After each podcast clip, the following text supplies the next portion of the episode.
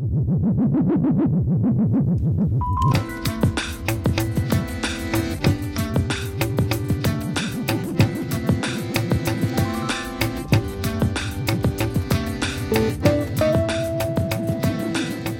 tempo de conversa desta tarde contamos nos nosos estudos con Roberto Agís, que é investigador Ramón y Cajal no Instituto de Investigación Biomédica de Vigo no Hospital Álvaro Cunqueiro. Moi boas tardes, Roberto. Que tal? Buenas tardes e dedícanse abondo recursos precisamente no teu eido na investigación das doenzas degenerativas? Bueno, invertir, invírtese eh, cada vez máis. A Unión Europea, a través do programa este famoso Horizonte 2020, aquí tamén incluso a nivel da Xunta de Galicia, os proxectos que dan, etc., unha das cousas que se fomenta é o envellecemento activo, eh, os problemas que ocorren cando a xente se fai maior, aquí Galicia é unha das, creo que a nivel nacional é o sitio máis eh, coa xente máis eh, envellecida como ben sabemos, as enfermedades como Alzheimer, o, o factor de risco número un é, é o envellecemento. Cumplir Entonces, anos. Cada cumplir anos, basicamente, facernos vellos. Entonces, é un problema, un grave problema, eh, os gobernos, a sociedade dase conta que é un problema, que hai que invertir en investigación, máis que nada para unhas, se se pode previr as enfermidades, outras se se poden curar, e, por suposto, para que a xente, cando se fai a maior, e un día que un se retira, que ten uns anos aí para disfrutar, pois polo menos que teña unha tranquilidade e que, e que teña unha vida xa, porque de nada nos vale facernos vellos e ao final temos problemas, non?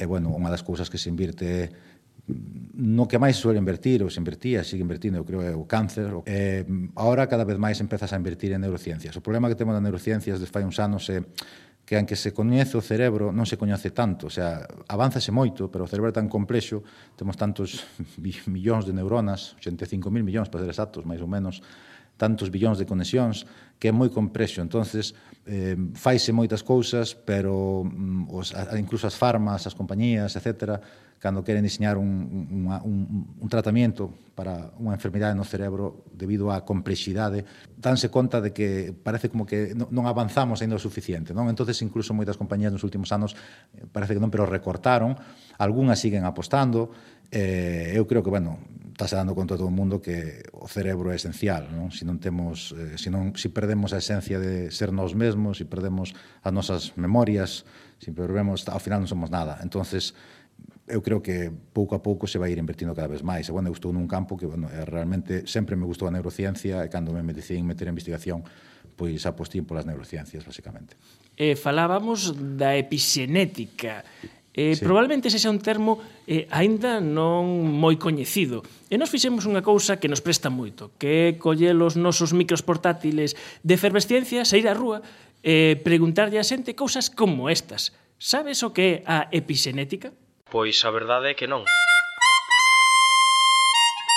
Non, Non, non sei. Eh, nin idea. Non, Eh, no, tampouco. no, ni idea. Para nada, non escoitei falar de Epixenet. A primeira vez que teño constancia de, desa palabra. Ni idea. Pensa outras palabras que empecen por mellor por epi. Epílogo. Epi, Por. Epigrafía. Epicentro. Epifanía. No, epidermis. Dermis, piel, dermis, pero epi superficial. É a primeira. Pero superficie da xenética. Epi. Home, epi, epi. De barrio sésamo, pero non, nada, non.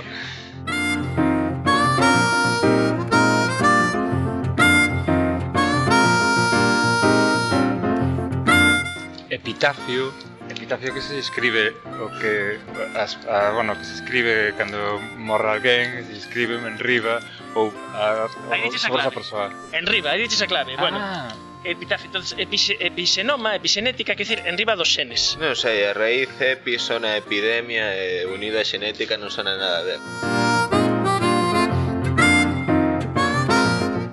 pero que descubriron é que hai un código por encima. É como se si tú colles o libro de instruccións e lle pos un posit encima, ah, vale, vale. un posit químico e dis, isto non o leas.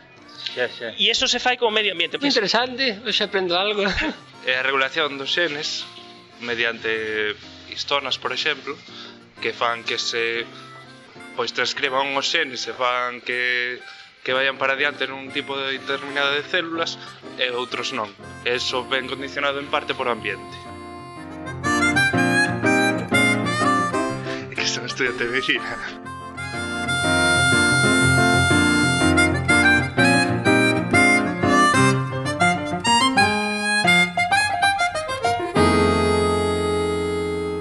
eh, ao final epigenética ben explicado que entendamos todos? Houve alguén aí que, que, que máis ou menos explicou ben eh, epi significa encima de basicamente non?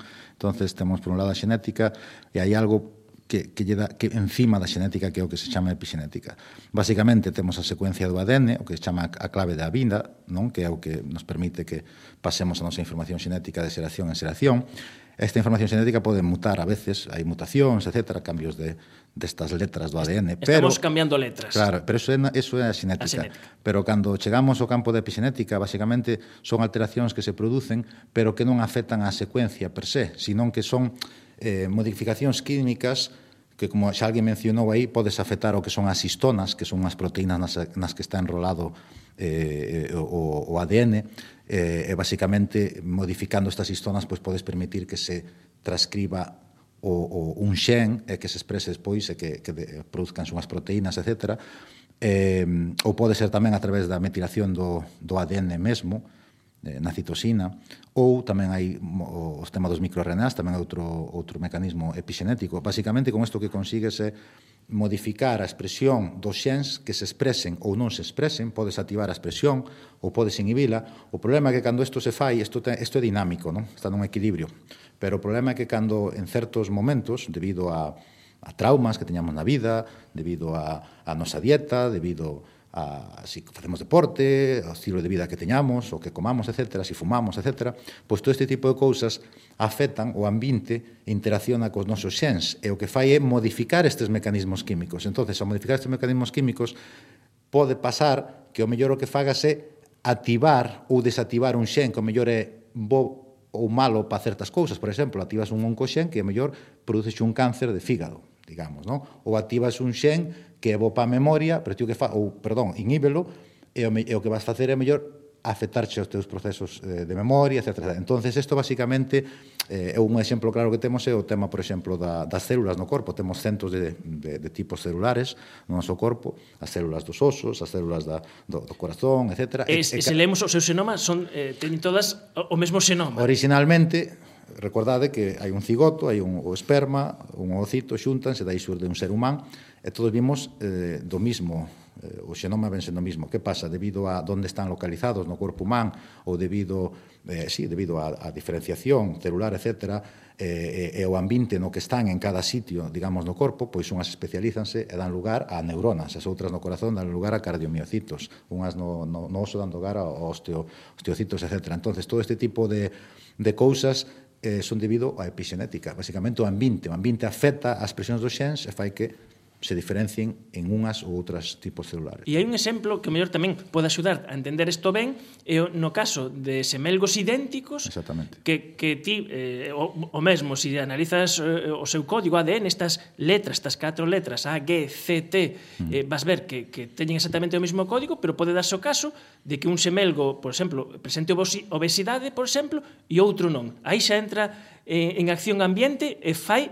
que se activen ou se desactiven xenes. Exactamente, exactamente. O, o exemplo típico que sabes poñer é o dos xemelgos monocigóticos que son idénticos, é basicamente eh, a súa xenética é a mesma, a súa clave da vida, é como se tes un libro que o, o lees, eh, tes o libro, ten unhas letras, e dependendo de quen o lea, o mellor interpreto de unha maneira diferente. Pois, No caso dos xemelgos ven sendo algo así, non? Ti tes os xemelgos que teñen o mismo libro da vida, a mesma clave da vida, o mismo libro con todas as súas, súas letras, o, o, o seu xenoma idéntico.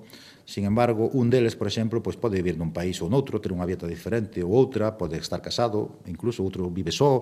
Ese tipo, todos esos pequenos cambios, sean a nivel psicolóxico, ambiente eh, familiar, o teu estilo de vida, basicamente, calquera cousa que fagas vai a facer que eh, un deles, ou mellor, ao longo da súa vida, mm, debido ao seu estilo de vida, pois ao mellor desenrola unha enfermidade. E, sin embargo, outro, por exemplo, non.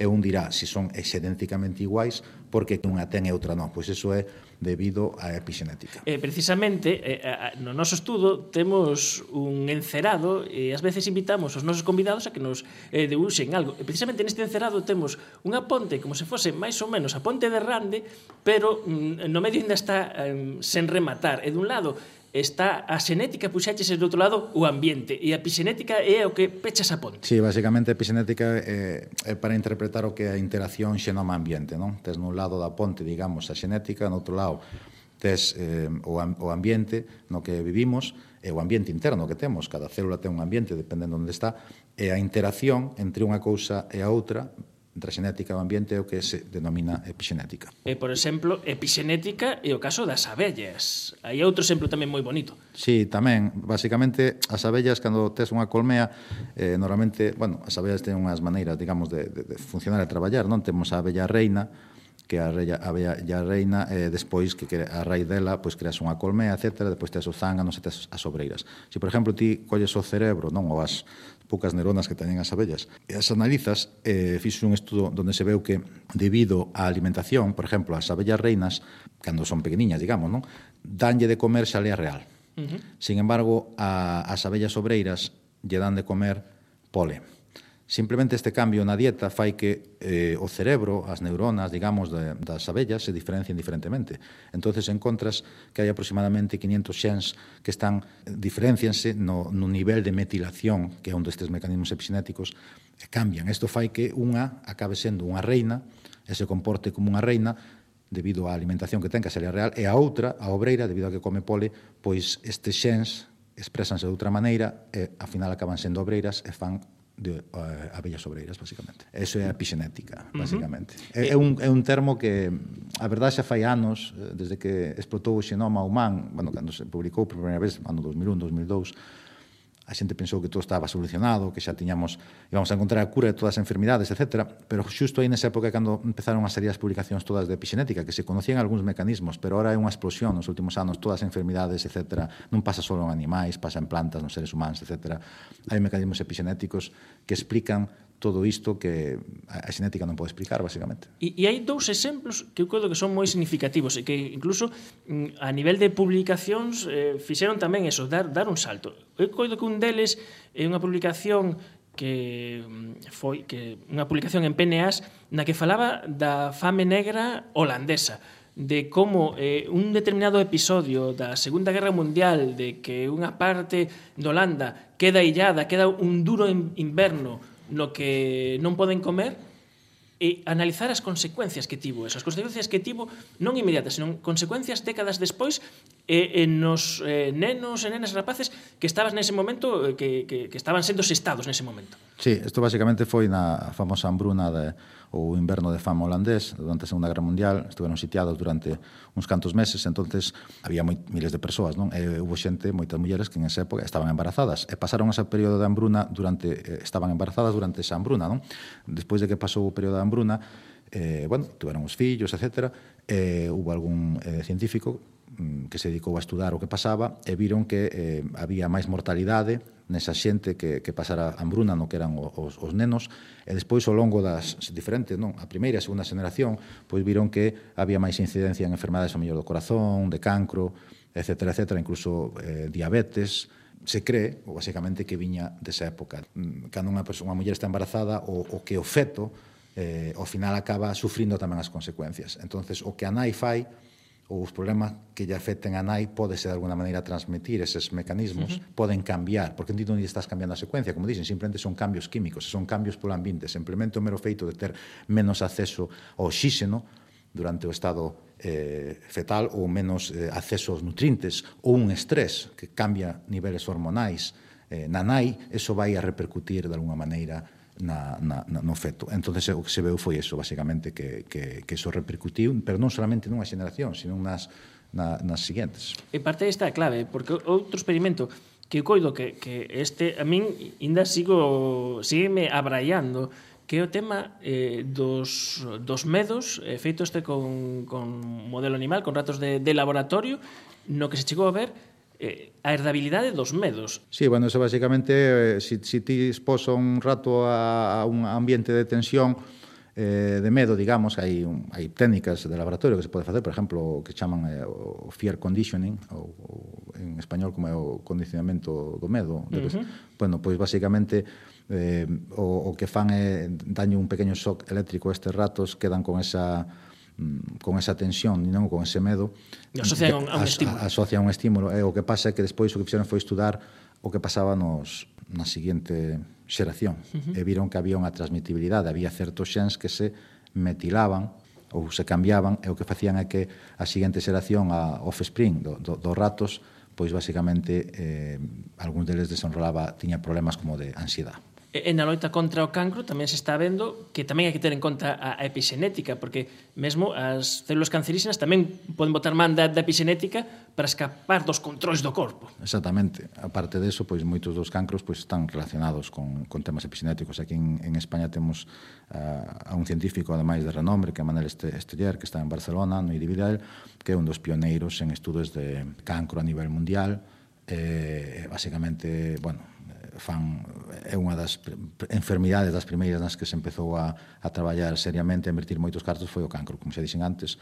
entonces aí vese que si sí, efectivamente a diferencia entre unha célula normal e unha célula eh, canceríxena, non solamente a mellor porque hai un cambio de xen, a veces simplemente porque hai un, unha modificación destas químicas, unha histona que se metira mal ou, ou máis ou menos, ou unha metilación dun xen específico, dun oncoxen, por exemplo, ou incluso un microRNA, etc. etc. Isto que fai é que, que, que ao final como dices ti, escapan os controis que ten o corpo para pa poder detectar mm. esas células, ao final poden producir unha metástasis, un tumor, etc. etc. E ao final, por supuesto, o, o peor que, que, que acabe sendo un, un, un cancro eh, maligno e eh, que teña repercusións incluso poñer en peligro a vida da, das persoas, basicamente. E no vosso caso, eh, vos eh, seríades eh, neuroepigenéticos, estudiades doenzas como, como Alzheimer ou a depresión. Eh, sí. Como, como, como é esta relación? Bueno, eu eh, traballei, cando estaba nos Estados Unidos, empecé a traballar, o, o meu antigo laboratorio traballaba na teoría epigenética da, da esquizofrenia, despois fui a Alemanha e ali traballaban máis no, no caso da demencia, do Alzheimer, e máis nos, nos trastornos eh, psiquiátricos, por exemplo, no estrés postraumático, traballei neso, e aquí en Vigo o meu interese eh, estudar mecanismos epigenéticos asociados coa, coa depresión e tamén co Alzheimer. Eu quero facer é ver porque unha persoa cando ten depresión, eso fai que esa, esa persoa cando se fai maior, eso lle pode acelerar de unha maneira eh, que teña ou non Alzheimer. Recordemos que o Alzheimer é, eh, a maior parte dos casos son Alzheimer esporádico, que non teñen que ver coa xenética, solamente un 2-3%, depende do estudio que vexas, son eh, Alzheimer familiares que están relacionados coa mutación de algún xen específico, pero eh, a maioría, 95, 98% dos, dos casos de Alzheimer, este Alzheimer esporádico basicamente que é debido a outras cousas que non son a xenética, basicamente a mecanismos epigenéticos. Entonces, para iso tes uns factores de risco, o principal do Alzheimer eh, como xa dixen antes, facerse bello, non? Os mecanismos estes van cambiando, empeza a haber erros, etcétera. Entonces, outro dos, dos eh, o estrés é outro mecanismo, eh, temas asociados coa diabetes, etcétera, e outro é a depresión. Unha persona que teña unha depresión como un, un estrés postraumático, estes dous tipos de, de enfermedades psiquiátricas, isto, de alguma maneira, altera eh, no teu cerebro afecta as, eh, o ese ambiente de, de estrés, cambios hormonais, etc, etc, o que fan é que eh, certos xens vayan cam cambiando eh, teñan repercusións no deterioro cognitivo non? De, de, dos pacientes que a sufren. Entón, eu quero ver é, se ti tens depresión, según te vas facendo maior, eh, esa depresión pode facer, según estudos que xa hai, que o Alzheimer, se unha persona vai ter Alzheimer, o desarrolle antes. O problema que temos, eh, en vez de desarrollarlo, a mellor con 70 ou 80 anos, pois a mellor con 50, 60 anos, pois podrías empezar a ter problemas de, de Alzheimer, se se dera o caso de que esa persoa non chegara a terlo. Mm. Entón, eu quero ver, por un lado, a maneira de saber se si iso é así, de probar que mecanismos epigenéticos hai, que interacción hai entre estas dúas enfermidades, unha, recordemos, é un trastorno psiquiátrico, outra é unha enfermedade neurodegenerativa, como Alzheimer, buscar unha maneira de previr, eh, saber con antemán que é o problema que temos co Alzheimer, que non se pode saber de antemán se o vas ter ou non, normalmente cando xo detectan xo tes, uh -huh. entón xa, como digamos, non hai volta atrás, entonces hai que buscar un biomarcador que che permita diagnosticar ou previr ou dicirche se si sacas a sangue unha persoa e lle ves, ah, pois mira, cambia esta proteína ou cambia isto aquí, isto permítenos decir que esta persoa mellor pode ter a posibilidad de padecer esta enfermidade, entonces poderías prevelo e, e, e e acotalo, non? E, e, tratar de, de previlo co tempo, Ajá. pero eso non temos, esas ferramentas a día de hoxe non as temos, e por suposto, cando as persoas desenrolan a enfermidade, como é o caso do Alzheimer ou unha depresión, pois tratar de, de, de curalas, non? Outra cousa, colaboración con xente, por suposto, aí do, do Instituto, que son xa proxectos de outra xente, na que eu estou tamén metido, pois buscar a maneira de, por exemplo, unha persoa que ten depresión, cando chega a un, eh, a un psiquiatra, eh, o psiquiatra basicamente pois dice, bueno, vamos dar isto, función do que teña, proban un medicamento, pasa dous, tres meses, se si funciona ben, se si non funciona, proban outro medicamento, se si funciona ben, se si non funciona, proban outro. entonces ao final, eh, unha, estamos tratando de buscar unha, unha ferramenta que nos permita mm, facilitarlle o traballo aos psiquiatras e, por suposto, eh, facilitarlle o traballo non só aos psiquiatras, senón que o paciente ao final se lle dé o tratamento que ten, o que se chama basicamente medicina, medicina personalizada, non? que che poidan quitar mellor un, unha, unha gota de sangue en función do que vexas aí, pois dicir, mm, a este paciente vamos a dar este, este antidepresivo, ou este outro, ou este, etc. entonces eso tamén é outra das cousas que están a facer. E, bueno, pois hai xente ali que traballa con temas de nanotecnoloxía, temos xente que traballa con temas de cardioloxía, enfermedades raras, Eh, hai un grupo de xente, bueno, Ajá. que pouco a pouco, como xa dixen antes, ainda estamos empezando, pero é interesante, É un foco máis na parte neurocientífica, eh, neuroepigenética, pero hai outros campos de investigación abertos. E o bo que ten é que estar dentro do hospital, que era un problema que había, eu creo que aquí en, a nivel mundial, anos atrás, é que eh, hoxe en día os, pro, os proxectos non poden ser dunha persoa ou dun grupo, non? Hoxe en día todos son multidisciplinares, tens que interactuar o que son os científicos básicos, cos clínicos, incluso falar coas compañías farmacéuticas, porque hai que levar o que ti fagas no laboratorio, hai que leválo o que se dice bench to bed, non? A, a cama do paciente. A, ten que ser algo traslacional. De apoiarte a cama Entonces, do paciente. Aquí en Galicia a Xencia Galega de Innovación, eh, con apoio da Xunta, outro tipo de entidades que están a crear, eh, esperemos que os gobernos daqui, nivel eh, estatal, eh, que apoian a ciencia máis do que están a facer e incluso eh, eh, bueno, eh, moitas axudas veñen tamén de Europa hai xente que aquí en Galicia temos grandes eh, científicos, xente que que move moito pola ciencia e outra cousa importante eu creo que non é solamente eh, o traballo de científico, senón de comunicar a xente, a xente da, da calle, a xente que non é científica, explicarlle mm, que se fai nos laboratorios, que fan os científicos e como eso lles pode axudar. Eu creo que é moi importante concienciar a xente deso, de Mm, eu debido a eso, mm, eh, bueno, foi a través do, precisamente de algo que ti fixeches fai casi dous anos en Vigo, un seminario que deches, pois me metí na Asociación Esta Galega de Divulgación, eh, que se fan talleres científicos, charlas científicas, etc. Tamén escribo así en algún blog, etc. Eh, temos, sí, te, temos que dicir que precisamente a Asociación Galega de Comunicación de Cultura Científica vai ter un punto científico en Ponteareas o 23, o 23 deste mes, abril. Charlas pequeniñas de 10 minutos nas que ti tes participado xa sí. nunha boa parte delas e que ademais e contar precisamente as cousas que vimos de contar agora sí. Eh, neste ratiño de conversa de radio. O tempo na radio é inexorable, sí. eso sí. Pero eu só quería dicir unha cousa máis de Roberto. Xa falamos do eido científico, do eido comunicativo, pero antes, cando estabas facendo eh, a túa carreira de, de, de bioloxía, teches a oportunidade de coñecer eh, moito mundo, de viaxar por, por moitos sitios, e tocando e cantando. Ese pasado sí. de tuno que coido que non renegas del. non, sei, no, o problema é que sempre mo quitan, non sei como é, nunca soube, No, a verdade é que pasino moi ben, estuve en, empecé en Vigo, na tuna de Vigo, despois eh, viñen para Santiago, estuve na tuna de farmacia, que bueno, ambas dúas desapareceron. Este ano tive a oportunidade, despois de casi 14 anos, sin vestirme nin sair a tocar, pois fun de viaxe a Perú, coa tuna aquí de Dereito de Santiago Compostela, aos cales, llamando un saúdo tamén os de Vigo, por suposto, os de farmacia, E, e a verdade é que me fixo si recordar vellos tempos. Si, sí, foi unha, unha cousa, sempre me gustou a música cando era rapaz, tocar o sas un tempo e, bueno, e, pois aprendi a tocar o laúd, era pandereta, basicamente, na zona principalmente. E dache pé a conocer xente, a pasalo ben viaxar, etc. Bueno, tampouco que fixera moitos viaxes por aquí, por Europa, fixe un par deles por España, pero este é o máis grande que foi este cando fun este ano que fun a, ao estranxeiro. Pois pues agora nada, só compre que, que, que a Tuna incorporar ao repertorio unha canción sobre a epigenética. entonces sí. xa redondearíamos todo. Roberto Agís, investigador Ramón y Cajal, no Instituto de Investigacións Biomédicas de Vigo. Moitas grazas por achegarte aos nosos estudos. No, gracias a ti, Manuel. Gracias. Pero quiero volver, quiero volver a aquellos campos y mar. que se anilla de la